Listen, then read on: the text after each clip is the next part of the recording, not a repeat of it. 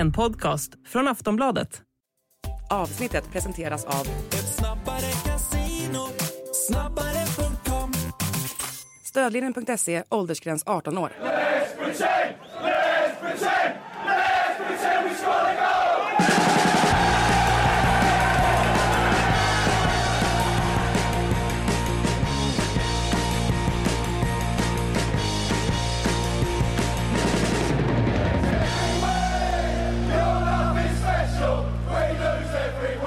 Varmt välkomna till Sportbladets Premier League-podd denna första maj.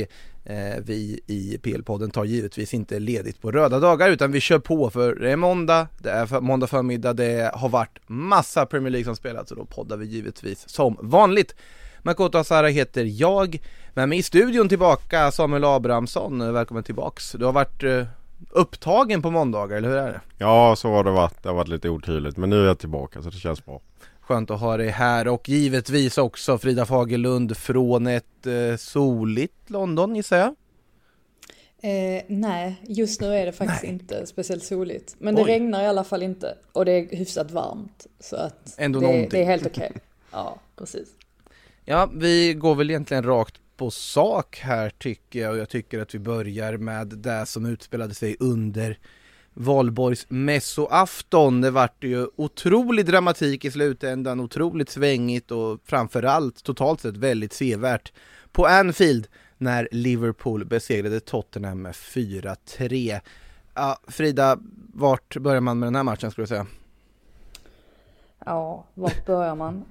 Alltså hade någon kommit nu som har missat hela säsongen och sagt hur har Liverpool och Tottenham sett ut i år? Så hade man ju satt på den här matchen och så hade man fått hela säsongen summerad på 90 till 95 minuter eller vad det nu blev. För att här fick vi se Liverpools starka sidor och deras svaga sidor och Tottenhams svaga sidor och deras starka sidor. Och just det här att Tottenham återigen börjar på hälarna och släpper in en rad mål inom loppet av 15 minuter. Jag menar, det, som sagt, det är inte första gången vi ser detta. Det är inte ens första gången vi ser det på ett par dagar. Vilket gör det ännu mer osannolikt. Och jag tror väl säkert att det var x antal supportrar som lämnade redan då och tänkte att nu ska vi kräva pengarna tillbaka. Liksom eh, de fick pengarna tillbaka efter haveriet i Newcastle. Men man får ju ändå ge Tottenham att de kommer tillbaka in i den här matchen. Och sen är det de där 99 sekunderna mellan Richarlisons 3-3 mål och Diogo Jotas 4-3 mål. Och eh, jag vet inte, men bara det här att Jürgen Klopp drar baksida lår när han ska fira i fjärdedomarens ansikte. Bara det vittnar ju om vilken galenskap det var. Det var ju verkligen galenskap från början till slut.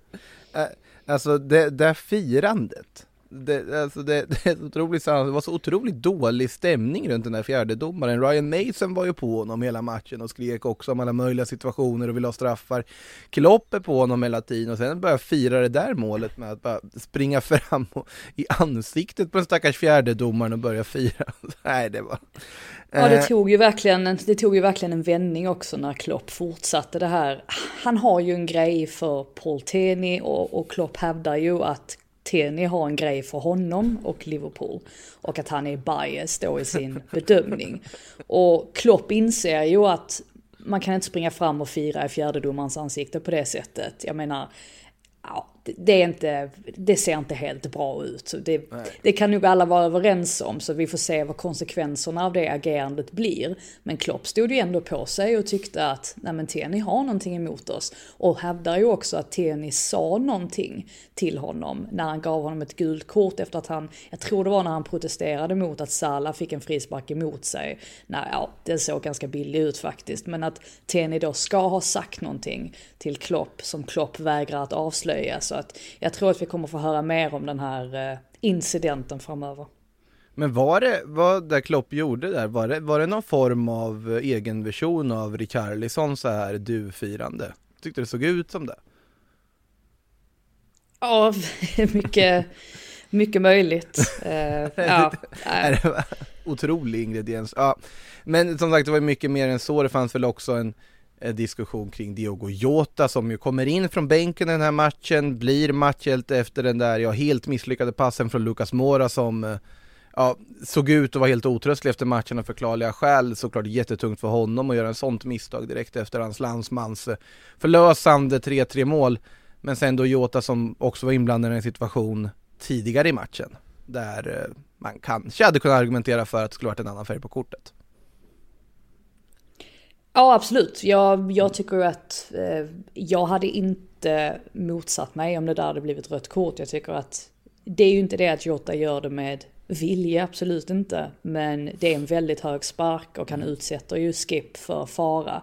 Sen finns det ju ja, det argumentet som även Klopp tog upp att även Skip är ju involverad i en incident när han tacklar, eller ja, han är väl först på bollen egentligen men han fullföljer en tackling på Luis Diaz och mm. det, är, det är en ganska rejäl stämpling på, vad heter det, fotleden. Så att, ja, ja, absolut, jag hade inte blivit förvånad om Jota hade fått rött kort i, i den situationen. Så att på det sättet kan jag ändå förstå att Ryan Mason är irriterad över det eftersom att Jota drog in det där 4-3 målet. Men ja, det, det, det, var ingen som var nöjd med domaren. Eh, så mycket kan man ju säga. Det är väl faktiskt också sällan någon är nöjd med Paul Tierney. Jag tycker väl att det är en av de sämre domarna. Jag håller väl ändå med Klopp där. Jag tycker verkligen att det är en av de sämre domarna i Premier League utan att gå in för mycket på det. Men det är lite för många situationer, lite för många olika matcher där det har varit mycket konstiga beslut från just honom kan jag tycka. Men ja. Jag tyckte han fick straffen rätt i alla fall för en mm. Romero kom in där när det står 2-0. Ja, hur, många, ja. hur många gånger har han gjort det också den här ja. säsongen? Att han, alltså han kan inte hålla på sådär Romero. Han är Romero är, eh, han är en bra mittback men det kostar för mycket när han ska hålla på och tacklas på det där viset. Det är som sagt, det är inte första gången som det faktiskt får stora konsekvenser och det var ju det sista Tottenham behövde i det läget. Alltså han behöver ju någon form av städad Rafael Varan typ bredvid sig. Det är det han skulle behöva, någon som, någon som är liksom bra på att tajma de här tacklingarna som vet när man ska vara övertänd och så vidare. För jag tycker en av Romeros styrkor är just där att ligga på gränsen hela tiden och ligga under skinnet på motståndare. Men han skulle behöva någon mer timid, lugn och så sansad mittbackstyp bredvid sig skulle jag känna lite ibland. Eh, och sen... alltså det, som var så, det som var så slående där i, i början av matchen, ja. eller just under de 15 minuterna innan Tottenham faktiskt kommer in i matchen igen, det är ju att hela pressspelet är helt alltså osynkroniserat. De har typ inget pressspel. Om Harry Kane liksom pressar en spelare så är det ingen som... Det, det finns inget, inget tydligt mönster i deras pressspel.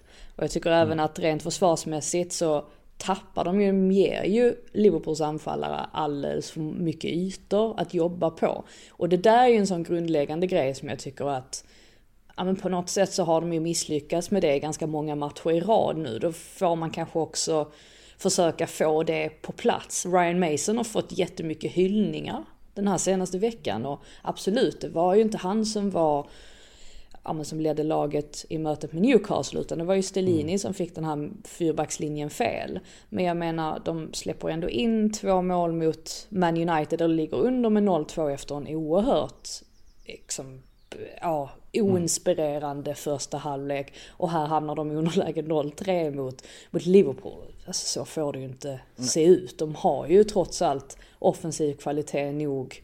Och uppenbarligen kvalitet övrigt också för att faktiskt kunna matcha sig mot de flesta lagen i den här ligan. Men de släpper ju in alldeles för, för taffliga mål, det är ju helt klart. Men det, är, det har ju också varit trenden hela den här säsongen. Det har vi suttit och pratat om innan att Tottenham just släpper in första målet. Det var väl där under hösten, vintern, det var typ tio matcher på rad eller vad det var och hamna i underläge och hela tiden behöver jaga blir ju väldigt jobbigt och ibland kan du hämta upp det som mot United och ändå lösa en poäng. Men ja, igår kanske det ändå borde ha blivit en poäng men så blir det ändå som det blir och det är ju ohållbart och inte konstigt att man kommer missa Champions League för det kan vi väl ändå slå fast att Tottenham kommer göra nu. Eh, det är för långt upp helt enkelt. Ja det kan väl till och med bli, nu måste, nu ska vi göra lite snabb matte här men om Newcastle och eh, Manchester United gör det de ska så kan det väl till och med bli matematiskt omöjligt för Spurs eh, inom snar framtid egentligen. Ja, de får ju till och med slåss om en Europa League-plats här nu. Eh, Det är ju det Tottenham får sikta in sig Brighton har ju tre matcher till godo Ja, Och- Liverpool och en till exempel. och är, har dessutom gått om Tottenham nu i tabellen. Liverpool är ju fortfarande ändå med, alltså i eh, topp 4. Det är inte helt borta än för dem. Problemet är ju att United och Newcastle vinner lite för mycket för deras del. De ser ganska bra ut Ja. båda två ja, och vi, vi kan väl eh, hastigt då röra oss över till Old Trafford, tycker jag. Eh, där Manchester United tog tre viktiga poäng i den där kampen om Europaplatserna och där mot Aston Villa hemma med 1-0 Bruno Fernandes matchhjälte, eller ja, Victor Nilsson Lindelöf matchhjälte kan man väl argumentera för också Frida, eller hur? Ja men verkligen, han har ju fått eh, alltså mycket, mycket hyllningar nu den senaste tiden. Och med all rätta också för att han har ju faktiskt eh, kommit in och sett riktigt stabil ut där bredvid Luke Shaw. Och Erik Ten Hag påpekade det också i sin intervju med BBC efter matchen och tog upp just att han har tyckt att Lindelöf har sett väldigt stabil ut. Och det var väl kanske lite orättvist mot Lindelöf att han hamnade så pass långt ner i hierarkin som han gjorde. Han, han kanske inte ska vara bakom Maguire i alla fall. Ehm, så att, nej men det är kul att se att han har fått chansen. Ehm, sen i den här matchen så kommer väl inte Aston Villa riktigt upp i den nivån som vi har sett dem i under väldigt lång tid nu under Unai Emery. Men det blir väl lätt så också när det är mycket matcher. De har inte en så pass bred trupp ändå så att det var väl bara en tidsfråga egentligen att de skulle åka på en, eh, en förlust. Eh, Men med det sagt så är ju det här tre oerhört tunga poäng för Man United. Och att man gör det också till kulissen av de här enorma Glazers protesterna. Jag vet inte om ni, s- eh, ni såg det eller att Erik Ten Hag när han Ja. gick mot tunneln så tog han ju upp en sån här grönguldig scarf som, eller halsduk heter det väl, som, eh, ja men som då är givetvis en sån halsduk som visar att man är emot Glazers och så svingade han den i luften och jag tror inte riktigt att han fattade hur symboliskt det är. Han Alltså, visste det var inte vad det var han- han svingade, var känslan där. Precis. Jag tror inte riktigt att han har förstått att de färgerna symboliserar just det hatet mot familjen Glazers. Men vi får väl se vad som eh, sker härnäst. Det ser ju faktiskt ut i nuläget som att vissa av eh, familjemedlemmarna i Glazers kommer, ja Joel och Avram då, kommer vara kvar som någon sorts delägare om Jim Ratcliffe tar över klubben. Men det är ju långt ifrån klart än hur det, hur det kommer gå med den biten. Kan ju bara flika in att det lades ju ett nytt bud i fredags var det va? Från Qatar där. Och om det skulle accepteras så skulle det bli den största försäljningen någonsin av en idrottsklubb. Vad var det? 65 miljarder svenska kronor va? Det var väl deras slutbud i alla Ja fall. precis. Och det skulle bli den dyraste försäljningen någonsin. Vi får väl se där. Det snackas ju om att de vill ha vill snarare mer. 75 eller 80 miljarder. Så att eh, de är fortfarande en bit ifrån varandra så vi får väl se det. Nej, Manchester United är en väldigt eh, attraktiv klubb såklart att ta över vad det jag skulle säga med varumärket och nu har man ju dessutom någonting väldigt spännande på gång sportligt tycker jag också. Ryan Reynolds here from Mint Mobile. With the price of just about everything going up during inflation, we thought we'd bring our prices down. So to help us, we brought in a reverse auctioneer, which is apparently a thing. Mint Mobile unlimited premium wireless. Ready to get 30, 30, bit to get 30, bit to get 20, 20, 20, bit to get 20, 20, bit to get 15, 15, 15, 15 just 15 bucks a month. So, Give it a try at mintmobile.com slash switch. $45 upfront for three months plus taxes and fees. Promo rate for new customers for limited time. Unlimited more than 40 gigabytes per month. Slows. Full terms at mintmobile.com. Ska smyga in en uh, lyssnarfråga tänkte jag faktiskt säga nog angående Victor Nilsson Lindelöf uh, från Pierre Tauberman här. Uh, som tycker en diskussion kring varför Harry Maguire verkar göra sina medspelare så otroligt mycket sämre i United, men i England upplevde han var ganska bra. Se bara på Lindelöf med Shaw, Uniteds spel med eller utan Harry. Går detta snack i England med eller är han enbart skyddad där? Han är väl inte enbart skyddad i engelsk media direkt, Frida? Nej, det är han verkligen Nej. inte. Det är oftast han som hamnar i, i skottgluggen. Men jag tror väl att skillnaden mellan Premier League-fotboll och landslagsfotboll är ändå ganska markant. Mm. Jag menar i, i landslaget så är det ett lägre tempo. De står oftast lite lägre med sin backlinje också, England. Och jag tror att det passar Harry Maguire väldigt bra. Vi får inte glömma bort det att Maguire, han kostade ju så mycket av en anledning också. Det var ju inte enbart för att han var engelsman och ja, och, och, i en bra ålder utan han var ju faktiskt väldigt bra när han var mm. i Leicester. Och eh, som sagt, jag tror kanske möjligtvis då att Man United, sättet de spelar fotboll på, att det möjligtvis har varit ett steg för högt för honom och att det också har varit en börda för honom att, att ha kaptensbindeln och, med all, och, och just den prislappen också. Att han på något sätt rent mentalt kanske inte har kunnat hantera det vilket gör att han känner en sån enorm vilja i, i alla matcher han spelar, att han måste prestera, att han måste göra bra ifrån sig. Så att jag tror hela den kombinationen har nog också ja, inte gjort honom gott helt enkelt. Men eh, nej, det är ju som sagt, alltså det har ju inte blivit som man hade hoppats. Så det är väl kul för Lindelöf nu i alla fall att han får chansen när Veran och Lisandro Martinez är borta. Mm. Och ett United som gett sig själva chansen får man säga att faktiskt knipa den där CL-platsen ligger väldigt bra till inför eh, slutspurten av serien. Eh, med det sagt eh, finns en annan klubb som också är med där och slåss och det är ju Newcastle besegrade Southampton med eh, 3-1 här i eh, helgen. Men alltså innan vi går in på det här så kanske man måste lyfta Alexander, Alexander Isak gjorde ju för sig nazist i den här matchen. Mm. Men det finns ju en annan nazist som inte blev en nazist. Framspelning snarare. En framspelning, ett förarbete ja. som han gjorde i en uh, Midweek-match dessförinnan som vi inte har hunnit avhandla i den här podden som är värt att lyfta. Ja, alltså jag, jag var ju på eh, Tottenham Stadium när det här hände. Mm. och eh, hade faktiskt den matchen uppe av någon anledning.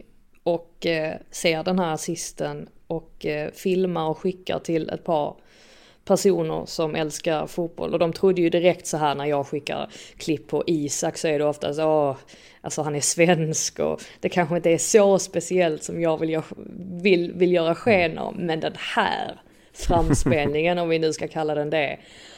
Alltså det osar, man har hört jämförelser med Henri och det är ju inte oväntat för att den jämförelsen har ju alltid funnits. Så Ryan Giggs kom på tal och det är så många som eh, ja, men som har gett sin åsikt kring den här fantastiska framspelningen för att det var ju verkligen ett prov på vad Alexander Isak kan göra, alltså hur pass skicklig rent tekniskt han är. Och dessutom då att han faktiskt spelade till vänster ihop med Callum Wilson. Det gjorde han ju här också efter halvtid just eftersom att Newcastle ju faktiskt låg under mm. i den här matchen mot Southampton, behövde göra någonting. Och Eddie House S i rockärmen numera, det är ju faktiskt att sätta in ja men om Isak har börjat på bänken så sätter han in Isak, eller om Callum Wilson har börjat på bänken så sätter han in Callum Wilson och spelar de två ihop. Och nu var det ju Gordon som rök därefter halvtid och Callum Wilson kommer in, Isak går lite mer ut till vänster, fungerade oerhört bra. I mötet med Brentford så spelade ju Isak snarare som en tia bakom Wilson. Men jag tror nog att Eddie Howe, även om han inte gillar att starta de två ihop, Wilson och Isak, så får han nog börja tänka om han inte ska göra det ibland när det passar sig. För att de två kan verkligen spela ihop, vilket är oerhört positivt för, för Newcastle. Och inte minst för Wilson också tror jag, som vi vet har haft mycket skadeproblem de senaste åren. Så faktumet att han inte behöver spela så många matcher, även om det gör honom frustrerad, så tror jag att det i längden är väldigt positivt för honom. Ja det är ju hans bästa målmässiga säsong på åtta år. Ja, eh, Callum Wilson. År. Det säger ju en del. Eh, som du säger, han har nog mått bra av att inte liksom vara spelaren som behöver spela 90 minuter hela tiden. Och han är ju en jäkla klinisk avslutare. Det har vi ju. Och kan göra mål på liksom många olika sätt också.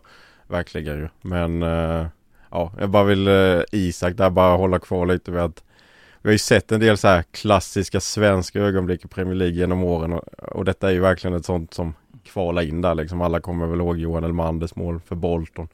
Erik Edmans kanon mot Liverpool för Tottenham och så vidare. Nu var inte detta ett mål av Isak men det är ändå liksom den Det var ju inte ens en assist Nej det var inte ens en assist Och det går verkligen att ifrågasätta varför det inte var Men det är ju ändå den kategorin av händelser och ögonblick vill jag ändå liksom om man bara ser rent svenska i England liksom Det är, Eh, bara lite, det är bara lite synd att det var Evertons försvarare som Ja. gjorde det mot. Eh, Alltså det skulle ju vara något, det skulle ju varit något, något storlag eller sådär så att det inte hade funnits några som helst möjligheter att prata bort den här framspelningen och den aktionen. Men eh, jag håller med, jag tycker också den är, den är helt fantastisk. Nej men så här, ja men jag håller med dig Frida, just att det var ett liksom sargat Everton-försvar som ja, läckte som ett såll i den här matchen överlag. Gjorde ju, var väl viss smolk i bägaren. Eh, Men alltså helt, eh, helt annan fråga då, på, på tal om det som du tog upp här Samuel. Vilket är ert favorit svenska ögonblick i Premier League genom tiderna? Alltså jag, jag håller Erik Edman-skottet otroligt högt, för det var liksom en så oväntad ja, oväntad målskytt, ett så fantastiskt avslut i en Ja. sån stor match. Det ligger ganska högt för mig i alla fall. Och, också att det var så oväntat. Ja, Att det kom från, kom från ingenstans. Nej, det var, jag tycker det är helt otroligt. och det var ju verkligen ett storlag också för det var ju Det är Liverpool. precis. Eh, ja, alla vet ju att jag, Henk, alltså Hen, Henkes mål också, Ja. eh, alltså för Man United, alltså där finns ett par, eh, Verkligen. Ett par minnen som sitter ganska Ljungberg har väl gjort några minnesvärda saker. ja, Ja, det har han verkligen gjort. De flesta verkligen vet ju mina lagsympatier så det är svårt för mig att inte nämna Ljungberg liksom. Han har ju en del så här, kanske inte som liksom har stuckit ut så pass på det sättet men han har ju liksom ändå varit kanske den bästa svensken över sett över hela tiden i England ändå med sju säsonger i Arsenal liksom och var nyckelspelare i det laget som vann titlar där. Så att eh, för mig är det väl ändå Ljungberg så men ja sen ska vi inte heller glömma att eh, Zlatan var ju där hade rätt kul i några år faktiskt. Ja, det är, vi får, det det är lätt, lätt att glömma med tanke på att Zlatan har haft ganska roligt på andra ställen också Så i är karriären. Men sen, men, ja, sen är det skillnad på spelare som har varit bra över en tid i Mm. Premier League och någon som Erik Edman då som bara slår till ett sånt jättemål det är en gång likadant. i livet. Elmander, det målet blev väl utsett till typ ett av tidernas snyggaste mål i Premier League. Jo men var inte det för att han, han gick till Turkiet och sen så var det en massa turkar som röstade. Jag har för mig att det var någonting, det var någonting suspekt med den omröstningen också. Men, ja. ja, det var ett snyggt mål. Nej, många, många fina ögonblick, får vi se hur många till Alexander Isak bjuder på framöver, det lär han nog göra. Som sagt, Newcastle alltså som vann med 3-1 mot Southampton i helgen, innan dess då 4-1 mot Everton och befäster sin CL-plats. Med det till eh, ännu högre upp i tabellen, för där har vi ju fått en, ett tronskifte kan man väl lugnt säga. Eh, ni som lyssnade på Sillypodden förra veckan eh, lyssnade säkert på avhandlingen där kring det ja, den maktdemonstration som toppmötet i onsdags blev mellan Manchester City och Arsenal. Ett City som hade lite mer problem, får man ändå säga, när de tog sig an Fulham på Craven Cottage igår. Utan Kevin De Bruyne. Utan Kevin De Bruyne dessutom, men Julian Alvarez gjorde ett fint mål. Ja, det är lite osäkert där med De Bruyne kan vi ju bara säga när han och han behöver väl framförallt bli frisk tills de ska möta Real Madrid om en vecka eller två. Det är väl liksom De ska väl klara sig ändå i ligaspelet kanske. Men eh, mot Real behövs han nog. Så det är lite för det verkade ändå så lite osäkert med vad det är för typ av skada, hur länge han blir borta. I alla fall vad jag läste så det är väl lite eh, Ja, lite jobbigt för Pep ändå men eh, ja. De får väl trösta sig med att Madrid kan sakna Luka Modric. Ja, så att, det är också. 1-1 där så att säga. Men eh, nej, de fick en tidig straff där igår. Erling gjorde, ja vilket mål det nu var, jag har fan tappat räkningen. Var det 35 i ligan eller? Alltså, jag vet 34. 34, du ser jag hade inte ens rätt. Så att, eh, Eller är det 35? Nej, eller är det 35? han har gjort 50 totalt vet jag, det läste jag i alla Nej, fall. det måste vara 34 va? Ja okej. han har väl gjort 50 totalt i alla turneringar i City i alla fall. 34 i ligan ja. Ja ni ser man tappar ju räkningen. Sen Och gjorde ju 50 faktiskt totalt. Ja 50 totalt. Och sen gjorde ju faktiskt fulla med 1-1 där efter en kvart ju. Vinicius. Ja, han hade nästan glömt bort att han existerade. Men jäkla bra avslut får vi säga. Ja, man- märkte att det betydde mycket för honom också. Ja, verkligen. Eh, Sen, eh, ja, så gjorde ju som du var inne på Makoto ersättaren till De Bruyne Alvarez mål. Och sen, Vackert sådant också måste sägas. Ja, det var och sen- fint. sen trodde man ju ändå kanske City skulle stänga det här och liksom sätta 3 och så men ja, sen Ja, det kändes ju inte som att det var så Segern var jättehotad. Det var väl att Fulham ville ha en straff där så eh, bland annat typ Den går väl att diskutera kanske men eh, Nej, de gör ju jobbet liksom. Det, det var inte en sån uppvisning som det var mot Arsenal liksom. Men det kan det ju inte vara i alla matcher heller utan det handlar ju bara om att ta tre poäng helt enkelt. Men det som är slående tycker jag med Pep Guardiola också, där skillnaden också syntes med Mikael Arteta tidigare under veckan och jag, det hänger givetvis ihop med att Arteta har inte varit huvudtränare lika länge som Guardiola så jag tror definitivt att detta är någonting han kommer utveckla på sikt. Men Guardiola är ju så himla skick, skicklig på att identifiera svagheter hos motståndarna som han sedan utnyttjar. Alltså det var ju slående i mötet med Arsenal hur Man City bara ville spela sig igenom centralt. Alltså deras enda matchplan, eller enda, men deras matchplan var helt enkelt att lyfta upp bollen centralt mot Kevin De Bruyne och Erling Haaland. Och sen så kombinerade de, ja där, där De Bruyne var den som låg lite längre fram jämfört med Haaland, vilket också ställde Arsenals försvar helt. För att de var ju inte beredda på det, de trodde det skulle bli tvärtom. Och likadant här mot Fulham, att om man noterade att Walker, så fort han fick bollen på högerkanten, så slog han en diagonal boll bort mot Jack Grealish. Det hände många gånger under matchen. Så det var ju tydligt att Walker hade fått den instruktionen. Ja men sikta mot Grealish, sikta mot Grealish. För jag hörde någon som sa att Grealish var dålig i mötet med Arsenal. Och jag tänkte, han var inte dålig, men han var inte en del av själva matchplanen. Men det är också Guardiola i ett nötskal, att han jag tror inte att det är en överdrift när folk i hans närhet säger att han tänker fotboll 24-7. För att jag tror att så fort han har avverkat en match, då sätter han sig in i hur ska vi nu, hur ska vi besegra just det här laget? Att han är så oerhört noggrann. Och ja, den här matchplanen fungerade ju också utmärkt. Och så såg vi ju samarbetet mellan Alvarez och Haaland här ju. Att det också kan fungera väldigt bra, liksom då De Bruyne och Haaland. Så att, nej, eh, han har eh, väldigt mycket att ta av Pep Guardiola, då får man säga. Han har väldigt många olika sätt att vinna på. Jag vill bara flika in där med när vi ändå pratar om City och Arsenal lite att min känsla är också att Arsenal är trötta. Eh, alltså jag vill inte ta någonting ifrån City men de ser trötta ut både fysiskt och mentalt och det är inte så konstigt för att Ateta är den som har roterat minst i ligan av alla tränare. Och liksom har ju satsat och rätt eller fel kan man ju, ja det kan man alltid diskutera liksom men jag tycker många av spelarna ser ut som att Framförallt med tror jag att de här kryssen mot 15 och West Ham och så vidare innan har gjort att liksom hade de gått in mot City med segrar så hade man gått in i ett helt annat mentalt läge men nu känns det som att man har nästan zonat ut lite liksom. Man är så här okej, okay, vi kommer inte nå ifatt City nu.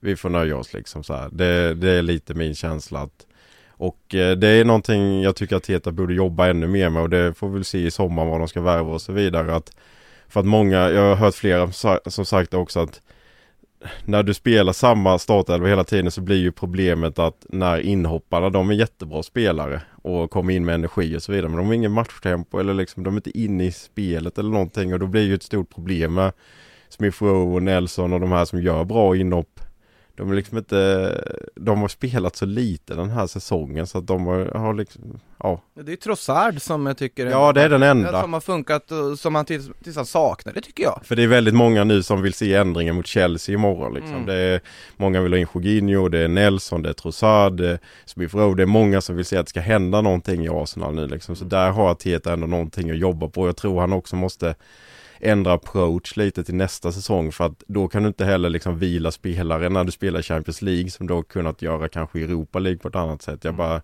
det take jag tar med mig från den här matchen. Sen var City liksom, det, det är inte att ta ifrån någonting för City för att Nej. de var helt överlägsna ändå men jag tycker ändå man såg tendenser hos Arsenal som man inte sett innan.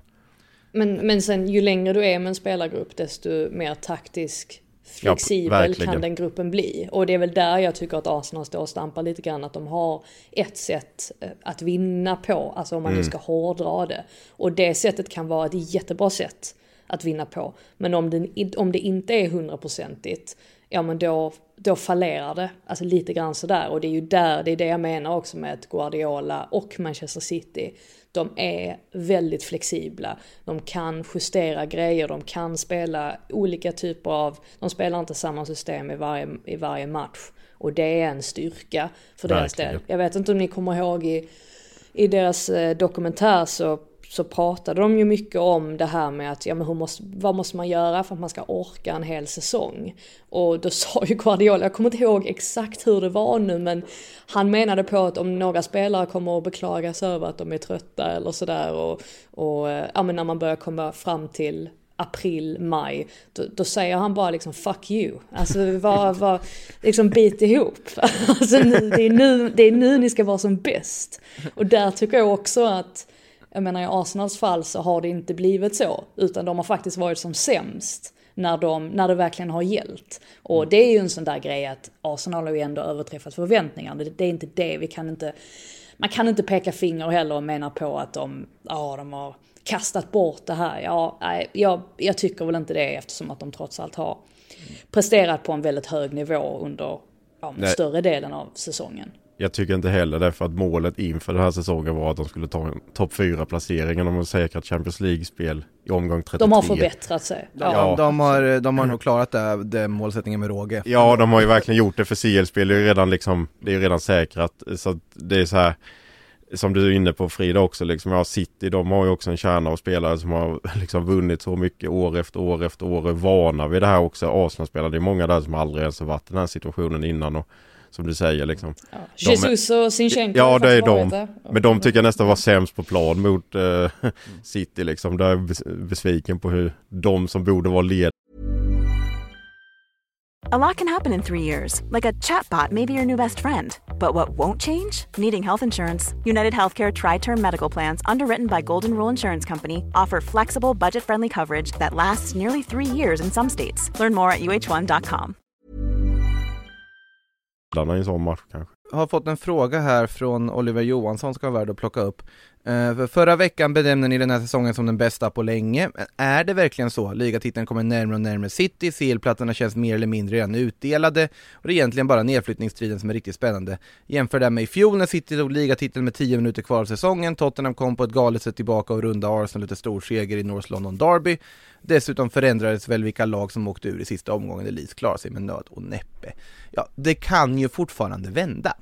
Så att jag, jag, tycker att hittills av det vi har sett absolut en av de bästa säsongerna vi har sett på att ingen match är sig lik. Vi har haft helt liksom galna tillställningar och varje helg sitter vi ändå här och tar upp någon match där man säger Ja Frida, vart ska man börja här då? Och det, och det, det, det säger väl en del av den här säsongen tycker jag. Sen är det väldigt lätt att att inte titta så långt bak i, eh, bak i backspegeln och liksom vara i nuet så mycket.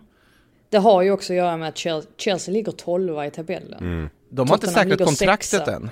Nej, Liverpool har underpresterat på ett sätt som vi inte trodde att de skulle göra. Det är många mm. sådana grejer också som spär på det här. Jag menar Brighton ligger åtta och kan liksom ha spelat många färre matcher jämfört med Aston mm. Villa och Tottenham och kan mycket väl kliva upp på en Europaplats. Jag menar det är, det är sådana grejer också som gör att den här ja. säsongen sticker ut. Sen håller jag med om att man oftast blir väldigt, man får tunnelseende också. Man mm. glömmer lätt bort vad som har hänt tidigare säsonger. Mm. Men jag, jag tycker i alla fall att den här eh, säsongen är oerhört underhållande i alla fall på alla, alla plan.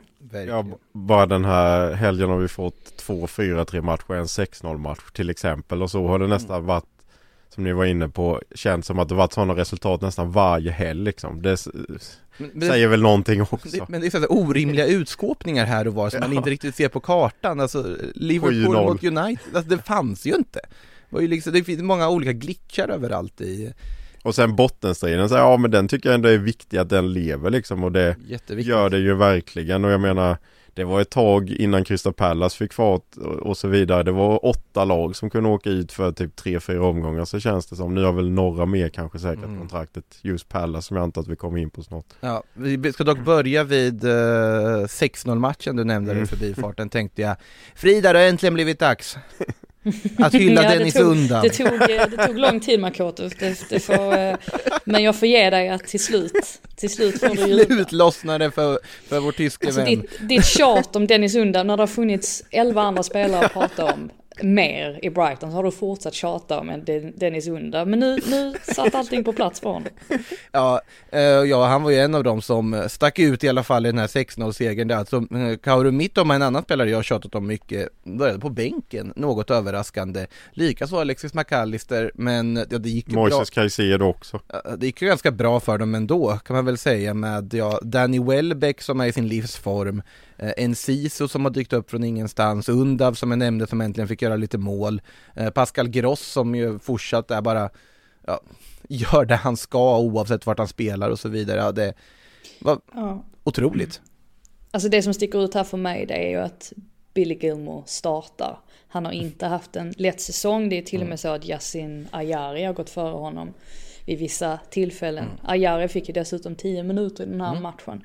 Men Gilmore, jag tyckte verkligen att han tog chansen. För när jag såg det där inom mittfältet med Gilmore och och Gross så tänkte jag att nej, det där kan ju aldrig, det där kan aldrig gå. Men det gjorde det faktiskt. Och det visar ju också på något sätt att Brighton har sitt sätt att spela på. Och så länge spelarna fattar vad det är De Serbi vill så, så spelar det på något sätt ingen roll vem som än spelar. Och det var ju lite den känslan också när Potter var där att det, det gjorde inte så mycket om det var någon som saknades utan då kom det någon ny in och, och tog över och gjorde det precis lika bra. Sen så är ju, jag menar de, Brighton tvingar ju fram misstag här från Wolves Och man kan ju ifrågasätta deras insats också. Men jag tycker väl framförallt att Grås, det måste vara hans 2-0 mål. Jag tycker att det är väldigt mycket Brighton, hur de spelar sådär ra- rakt, rakt på och hur Undav då, han tar en löpning till vänster och drar med sig en försvarare och så kommer Pascal Gross i den där löpningen till höger, får bollen perfekt från en Ciso och drar in målet. Det, det där är Brighton för mig och eh, jag tycker nästan att det börjar se ut som att, ja men om de nu tar en Europaplats, då tycker jag nästan att de, för det har ju pratats om det här, är de redo för det och skulle de ha tillräckligt med spelare för att kunna göra det? Jag menar, alltså Ja. just nu så ser det ju verkligen ut som att de skulle kunna göra det om de kan spela så här bra, trots att de spelar med så många ja, spelare som vanligtvis inte, inte startar, ja men då kan de ju gå hur långt som helst tänker man. Har ju dykt upp, nu, nu är ju inte det här Sillypodden men jag tänkte ta upp det ändå. Alltså det har kommit upp lite uppgifter också om att de tittar på James Milner på fri transfer inför en sommar. Och här tycker Det är ju... Ja. Nej. Ja men det här är ju en klassisk, det var ju exakt vad de gjorde med Adam, Adam Lallana Mm, också. precis. När de plockade in honom att de förstår ju, Brighton har ju förstått att man kan inte bara plocka in en massa unga lovande spelare, hust hust Chelsea. Utan Mm. man måste ha en stumme också i laget med rutinerade spelare som kan axla det ansvaret. Och Lallana, han tackade väl jag egentligen eftersom att han blev lovad en plats som ja, men som assisterande tränare efter karriären. Mm. Och jag kan väl tänka mig att det kommer bli någonting liknande med Milner möjligtvis. Att tanken också är att han i så fall ska ha någon sorts ledarroll efteråt och att Brighton är en klubb som man faktiskt vill jobba i. Så att Ja, jag, jag blev inte så förvånad. Det var uppseendeväckande när man såg nyheten men jag blev ändå inte så förvånad för att det, det känns ändå väldigt mycket Brighton att göra på det sättet. Jag tycker det känns helt briljant att ta in eh, James Milner. Alltså jag vet att jag tweetade också, jag sa att det kanske är att man har hängt för mycket med Patrik Syk som gör att man håller James Milner så ofantligt högt men fortfarande, det är helt rätt typ att få in till en sån ung stomme och liksom som sätter standarden och, in, och med inställningen han har mångs, äh, jag tycker det är kanon rekrytering för deras del. Kan ju bara nämna också att Joao Pedro är väl i stort sett klar från Watford. Spännande anfallare. Mm, verkligen. Eh, Alltså för Brighton då. Så de är ju liksom redan på gång med sommarverksamheten också. De mår bra uppenbarligen. Det gjorde inte Wolves i den här matchen kan man väl lugnt säga som åker då till eh, söderut och får den här förlusten. Nej, nu är väl deras eh, kontrakt ändå inte i så stor fara så jag vet inte riktigt. ja, de har väl sj- sju poäng ner eller någonting känns som Ja. de tror lite att det är klart och visst det är det ju inte men ah, Brighton är bra absolut men sen får det ju inte se ut som det gör på vissa av målen. Det är ju nästan pinsamt faktiskt. Jag, jag tycker att ett av Wolves största problem och har varit genom hela säsongen det är att det har saknats tillräckligt med ledare. Alltså visst man har Ruben Neves och Moutinho, ja men även Diego Costa i mångt och mycket men alla de ser ju ut att försvinna i sommar. Man släppte Conor Cody för att det inte fanns plats för honom för att man ändrade formation. Och visst, alltså Cody är inte världens bästa mittback men han hade varit i Wolves under lång tid. Han var verkligen ledaren i omklädningsrummet och jag tror att om man tappar för många av den typen av spelare så tappar man också något, någonting signifikativt i laget. Och nu ska jag inte vara för hård och sådär men jag menar om man tittar på lag som kan åka ut och vilka lag man helst ser åker ut så tycker jag att Wolves, visst de har bra spelarmaterial, men jag tycker också att de har tappat lite av sin charm de senaste säsongerna. Jag vet inte riktigt vad Wolves är för någonting längre. Mm. Och ja, alltså när jag tittar då på vilka lag som eventuellt kan åka ut så finns det ju lag som jag hellre har kvar i Premier League jämfört med Wolves. Men eh, ja, jag tror inte de åker ur men det har ju inte sett, eh, det har inte sett rakt igenom stabilt ut för Lopetegi, det får vi ju säga. Jorge Mendes får jobba hårt i sommar för att få, få ihop en trupp där. Eh, ja, som sagt, stor förlust mot eh, Brighton för Vargarna. Eh, om vi går då till 4-3 matchen, den andra före helgen, Crystal Palace som studsar tillbaka efter förlusten mot Wolves i veckan, kan vi väl lägga till också där mitt i alltihop. Eh, ja, som sagt, rörig säsong. Eh, men de förlorade mot Wolves i veckan, Palace, men de studsar tillbaka med att besegra West Ham med 4-3 och det var väl skönt för uh, Roy Hodgsons gäng ändå att uh, efter två raka matcher utan seger vinna igen.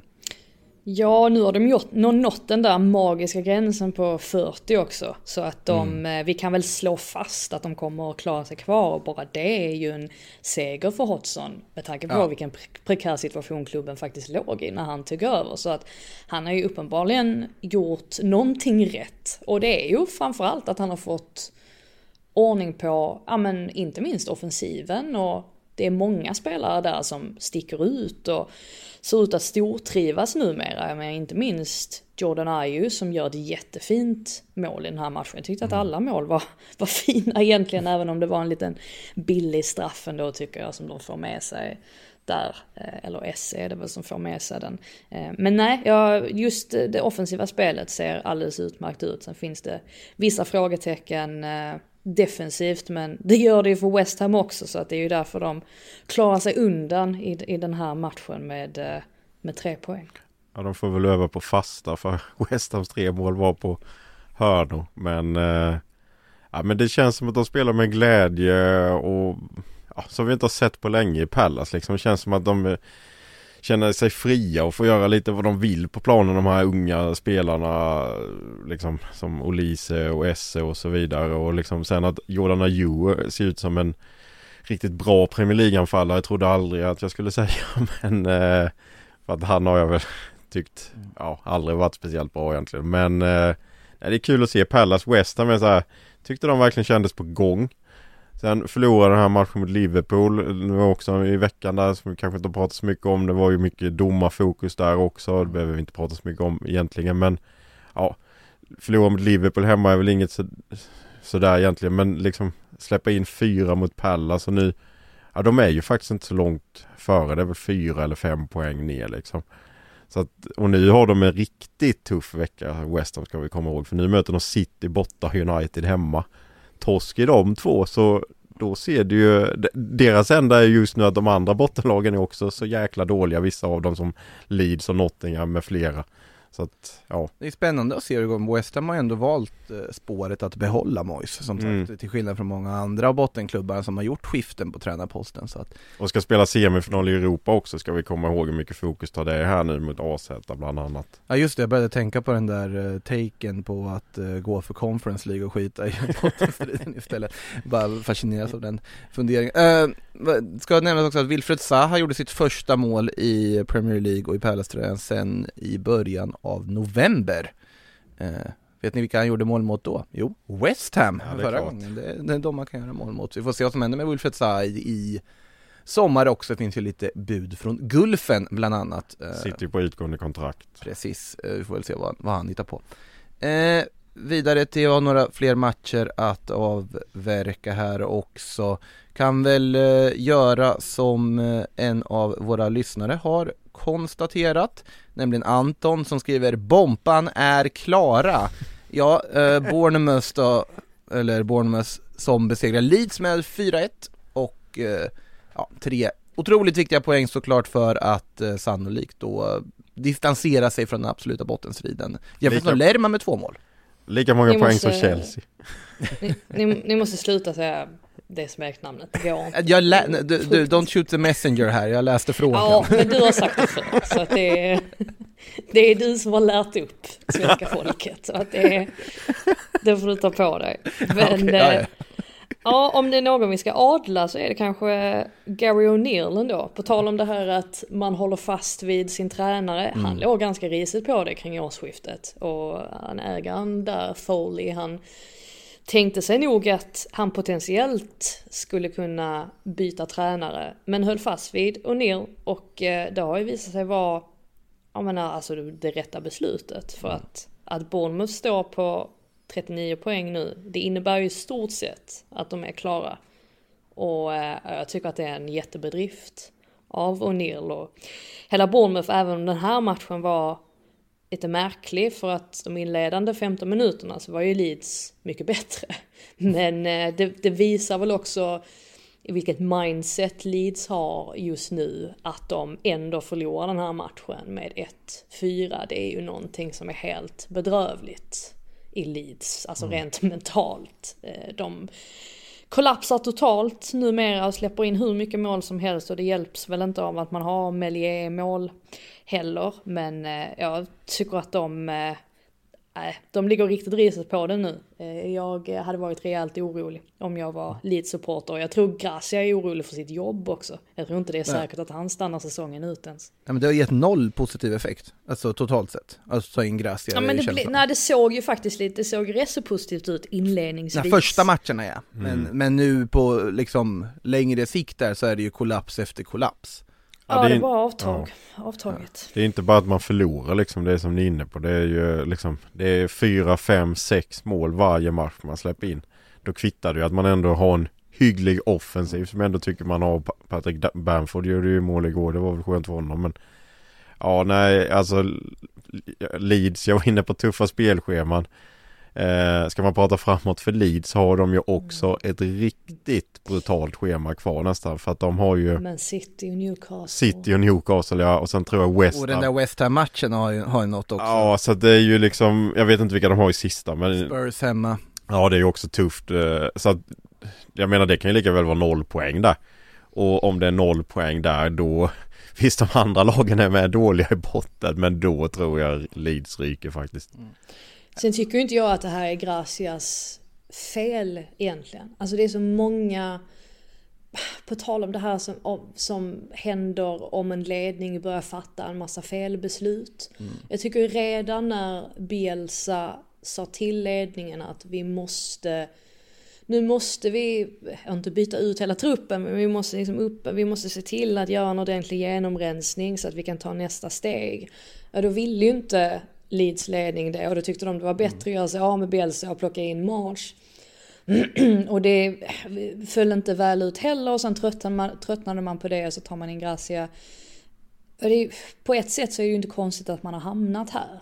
Alltså sett till hur det har sett ut de senaste åren. Det är ju sällan bara, det är ju sällan en interimtränare som bär ansvaret för att en klubb åker ur. Det är ju oftast mycket annat som inte har fungerat och jag tycker att Leeds är ett, ett bra exempel på det också. Mm. Eh, ett annat lag som ligger på samma antal poäng och samma antal matcher, samma antal segrar och samma antal kryss och så vidare som Leeds är ju Nottingham Forest. De förlorade också i helgen 2-1 borta mot Brentford.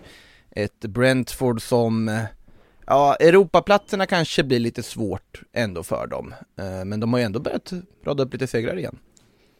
Ja men det här var en tung förlust för Forest alltså. Det är, De såg ut som att ha det i en liten ask och sen gör Tony mål på den där frisparken. Det är ju Navas där som är olycklig. Man kan kritisera om muren är uppställd också. Och sen så då inhopparen Josh de Silva som drar in 2-1 i slutskedet. Det var väldigt naivt från Forest sida. Och det är ju, ja, det var ju verkligen inte vad Steve Cooper ville se för att det verkade ju ändå som att när de besegrade Brighton där tidigare i veckan så tyckte man ändå att ja men här börjar vi se lite positiva tendenser. Men nu är man på något sätt tillbaka på ruta ett igen. Och det är ju jämnt så här med Forest. Går så här fram och tillbaka, det är mycket potential i truppen och sen gör man en massa slarviga misstag i alla fall. Så att nej, det är väl också en sån där klubb där man känner att man blir inte jätteförvånad om de åker ur till slut. Och ja, det är ju, alltså med tanke på hur mycket man har värvat för och sådär, så är ju det absolut en missräkning. Jag tycker väl Keylor Navas faktiskt får ta på sig andra målet också. Jag förväntar mig ändå att den typen av målvakt tar ett sånt skott.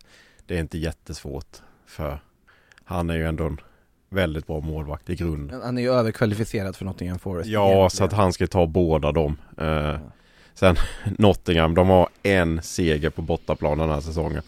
Det var mot SA-15 som kommer åka ur. För det kan vi väl slå fast att SA-15 åker ut nu. Eh, Ja, ska vi verkligen slå fast det?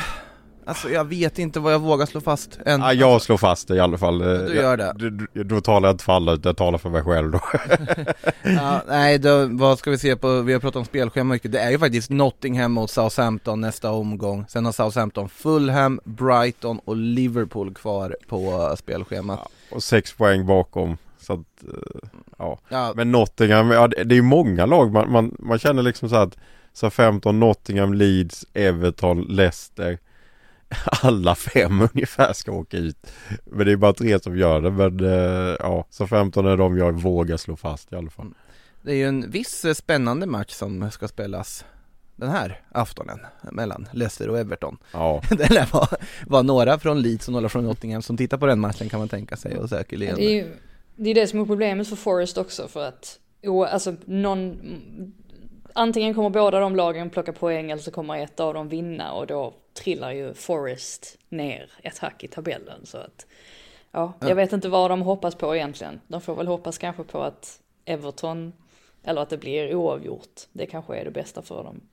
Vad som än händer så kommer ju Nottingham ramla ner under strecket för stunden efter, efter den matchen. Eh, med målskillnad och så vidare i åtanke också. Eh, det blir otroligt spännande. En hel, total sidogrej här men jag såg precis en vill bara hylla det engelska språket, alltså det, det såg en rubrik här från matchen mellan Brentford Nottingham där det står Bees provide late sting to keep Forest rooted in trouble. Är det, det kan man bara göra på engelska, det går inte på svenska. Liksom, så smidigt och fint lägga in sånt tycker jag. Ja, Det har något. Eh, med det sagt eh, så går vi vidare på lite, för då har vi gått igenom hela omgången och då kan vi gå vidare på några fler frågor innan vi eh, stänger butiken och vi kan väl ta en fråga om bottenlagen här från Peter Hansen. Fem bottenlags fem senaste matcher lyder två vinster, fem kryss, 18 förluster med ett inbördesmöte. Är det sämsta formen man sett på grupp av pressade lag? Brukar ju alltid vara någon som presterar. Men det har ju varit några som presterar, men de räknas inte som bottenlag något mer eftersom att de just har presterat då, eftersom det varit så många lag inblandade, är väl känslan.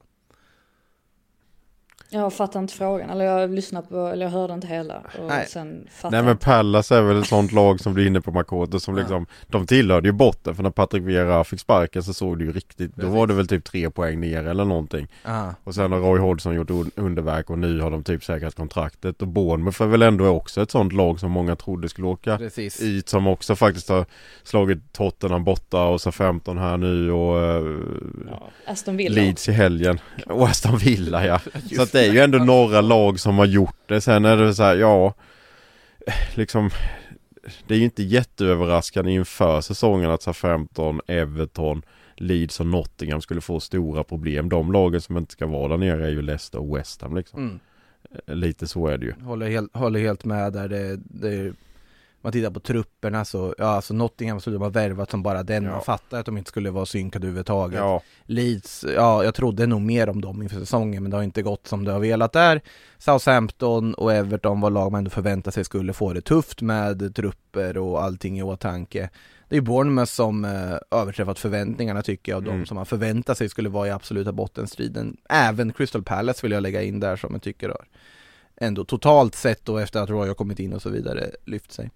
Eh, ja, en fråga från Freddan. Vilket lag tar Carrick då? Eh, han har gjort det ganska bra som tränare. går de upp så stannar han väl?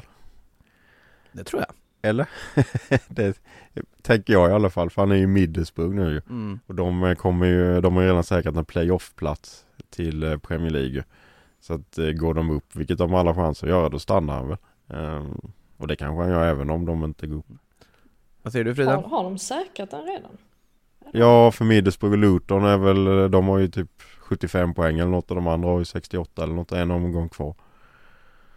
Ja, Om jag- okej. Om jag kan mitt Championship så tror jag att det är Jo, så. jo det är sant, jo det är sant. Jag, För för Lu- det är så, det är ju det är ju väldigt många som är inblandade i den Ja jag vet men just sista. Luton Middlesbrough är 3 och 4 och har ju säkrat det redan där. Sen är det ju Millwall Mm. och Blackburn och Sunderland och så vidare som slåss om de andra Coventry. två. Coventry är ju också ja, så att eh, ja. Men jag tror liksom Middlesbrough alla chanser att gå upp. De har ju Schubak Pom, den, den gamla Arsenal-anfallaren, vinner skytteligan där. Den står på 28 mål. Och Men det är, imponerat. ju helt, det är helt sinnessjukt om Luton går upp. Ska man, alltså man kan ju inte spela Premier League-fotboll på Kenilworth Road. Alltså det, det går liksom inte. Alltså det... Det, det, alltså, det, Undrar vad- alltså det, det är värre än Grimsta. Alltså det, det liksom inte... Och sen hoppas det- nog Premier League att Millwall inte går upp för det blir så jävla stökigt för alla om de gör det. Mm. Derbyna mot West Ham och så vidare. Så att, Vad, vad tänker Nathan Jones om Luton skulle gå upp? Det, det undrar jag. Ja, men det... Han, Men- han, han tror väl fortfarande att det bara är hans förtjänst att Luton har gått så bra. Den, den verkligheten han lever i. det var ju frågan om Carrick men jag tror att han blir kvar säger jag. Nej. Vad, vad ser, ser du om Carricks eh, bedrifter Frida? Jo, det är ju bra, men vad ska, vilken klubb ska han gå till? Alltså, det är, vi har ju ganska många tränare nu som är heta och som har gjort det bra. Jag menar, bara nu senast Kieran McKenna tog ju upp Ipswich till Championship nu. Alltså det, det finns ett gäng av de, eh, de gamla spelarna som har varit assisterande tränare i bland annat Man United som, som har gjort det bra. Så att jag vet inte, jag ser ingen riktigt sån här given plats för Carrick just nu, det kan jag inte påstå. Nej, vi får väl se vad som händer. Eh, med det sagt har det blivit dags att eh, runda av dagens avsnitt. Det är ju massa matcher här i veckan. Eh, Leicester-Everton ikväll blir otroligt intressant. Ångestmötet där. Och sen Arsenal-Chelsea som väl är ett litet egen form av ångestmöte också. Eh, väldigt spännande att se hur Frank Lampard ställer upp Chelseas elva där inför varje match nu för tiden. och Se hur han ska bryta deras bedrövliga trend. Eh, och sen fortsätter det bara vidare fram mot slutspurten. Mycket fotboll som ska spelas här framöver. Brighton Manchester United på torsdag. Ser man fram emot. Den är inte dum heller, det blir väldigt ovisst på förhand ändå eh, vad, vad vi får för någonting där. Danny Welbeck kanske slår till mot sin gamla arbetsgivare igen, han är ju i en väldigt fin form ändå. Eh, med det sagt så har det blivit dags att runda av denna första maj. To- Stort tack Samuel, stort tack Frida, stort tack alla lyssnare och på återhörande. Du har lyssnat på en podcast från Aftonbladet. Ansvarig utgivare är Lena K Samuelsson.